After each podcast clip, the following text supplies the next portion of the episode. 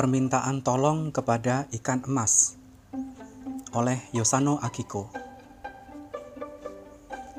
Taro mempunyai keperluan yang mengharuskan ia meminta pembantunya untuk pergi ke rumah Kikuo di Surugadai. Namun karena Ume, sang pembantu, sedang sakit, ia kini bingung memikirkan harus berbuat apa. Melihat hal itu, Jiro adiknya berkata, Abang, bagaimana kalau kita minta tolong ikan emas saja?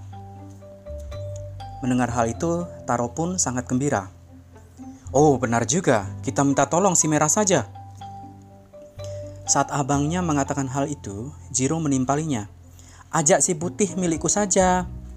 Kemudian si belang milik Cio Chang boleh diajak ikut juga kan? Karena Cio Chang juga menyetujui ajakan tersebut, maka segeralah ketiga ekor emas itu bersiap-siap menjalankan tugasnya. Merah, kita jadi pergi naik kereta ya? Ya benar, tapi karena berbahaya kita harus hati-hati. Katanya kereta itu menakutkan ya. Kita harus berpegangan tangan agar tidak tertabrak nanti. Bukan begitu maksudnya, saat naik kereta dan saat turun itu yang berbahaya. Karena dibandingkan dua ekor ikan emas lainnya, si merah adalah yang paling besar, maka ia banyak memberikan nasihat pada keduanya. Akhirnya sampailah mereka di stasiun Shinjuku, jalur Kobu. Tolong beri kami tiga lembar karcis kereta, kata si merah dengan suara lantang di depan loket penjualan karcis. Mendengar hal itu, petugas loketnya pun berkata, Hei, bukankah Anda seekor ikan emas? Kami tidak bisa memberikan karcis kereta kepada ikan emas karena tidak punya tangan. Merah, apakah kita tidak boleh naik? Tanya si putih dengan cemas. Alasan yang tidak masuk akal, guman si belang sendirian. Pak, apakah kami tidak boleh naik? Tanya si merah.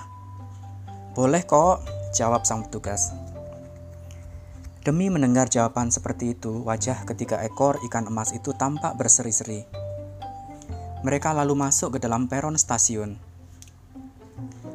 Tepat pada saat itu, kereta darah dari arah Okubo telah datang. Ikan-ikan emas itu lalu naik ke dalam kereta. Petugas stasiun lalu meregangkan tangan kirinya, kemudian meniup peluit di tangan kanannya. Prit! Ketika ekor emas itu mendadak gugup. Pak, Pak Masinis, tolong tunggu sebentar. Pak petugas, Pak petugas, tolong tunggu sebentar. Pak Kepala Stasiun, Pak Kepala Stasiun. Baik masinis, petugas, maupun kepala stasiun terkejut. Ada apa gerangan? Mereka lalu mendekati ketika ketiga ekor ikan emas tersebut. Ada apa? Ada apa? Apakah kalian terluka? Ketika masinis dan petugas stasiun menanyakan hal itu, secara serempak ketiga ekor ikan emas itu berkata, Tolong masukkan air, tolong cepat masukkan air. Airnya mau dimasukkan ke mana? Tolong masukkan ke dalam kereta, ke dalam kereta. Ya, tolong, saya mohon cepatlah. Mendengar permohonan ikan emas itu, sang masinis menggeleng-gelengkan kepala. Kami tidak bisa memasukkan air ke dalam kereta. Kalau melakukan hal itu, sandal dan sepatu para penumpang akan basah. Sebaliknya, kalau tidak dimasukkan air ke dalam kereta, kami bisa mati, bukan? Kata si merah. Setelah mengatakan hal itu, si putih dan sebelang meringis kesakitan. Aduh sakit, aduh sakit, tolong harus ada air, pinta mereka. Masinis dan petugas stasiun merasa sangat kasihan. Mereka berusaha keras memikirkan berbagai macam cara. Kalau begitu baiklah, begini saja. Kami akan meminjam bak, bak air kepada kepala stasiun, lalu mengisinya dengan air, kemudian membawanya kemari. Setelah mengatakan hal itu, sang petugas lalu pergi ke arah berlawanan. Beberapa saat kemudian ia datang dengan membawa sebuah bak berisi air. Ikan mas, silakan masuk ke dalam bak ini. Terima kasih pak, terima kasih, terima kasih banyak. Plung, plung, plung. Ketiga ekor ikan emas itu pun masuk ke dalam bak air.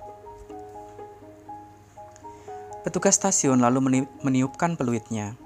Prit, prit, prit. Kereta lalu berangkat meninggalkan Shinjuku, kemudian melewati Yoyogi, Sendagaya, Shinanomachi, kemudian masuk ke dalam terowongan di bawah Gakushuin di Yotsuya. Karena ruangan dalam kereta tiba-tiba menjadi gelap, maka beberapa saat kemudian lampu pun menyala. Si putih dan si belang mengira bahwa hari telah berganti malam. Krok, krok, krok. Terdengar bunyi dengkuran mereka, lalu tertidur.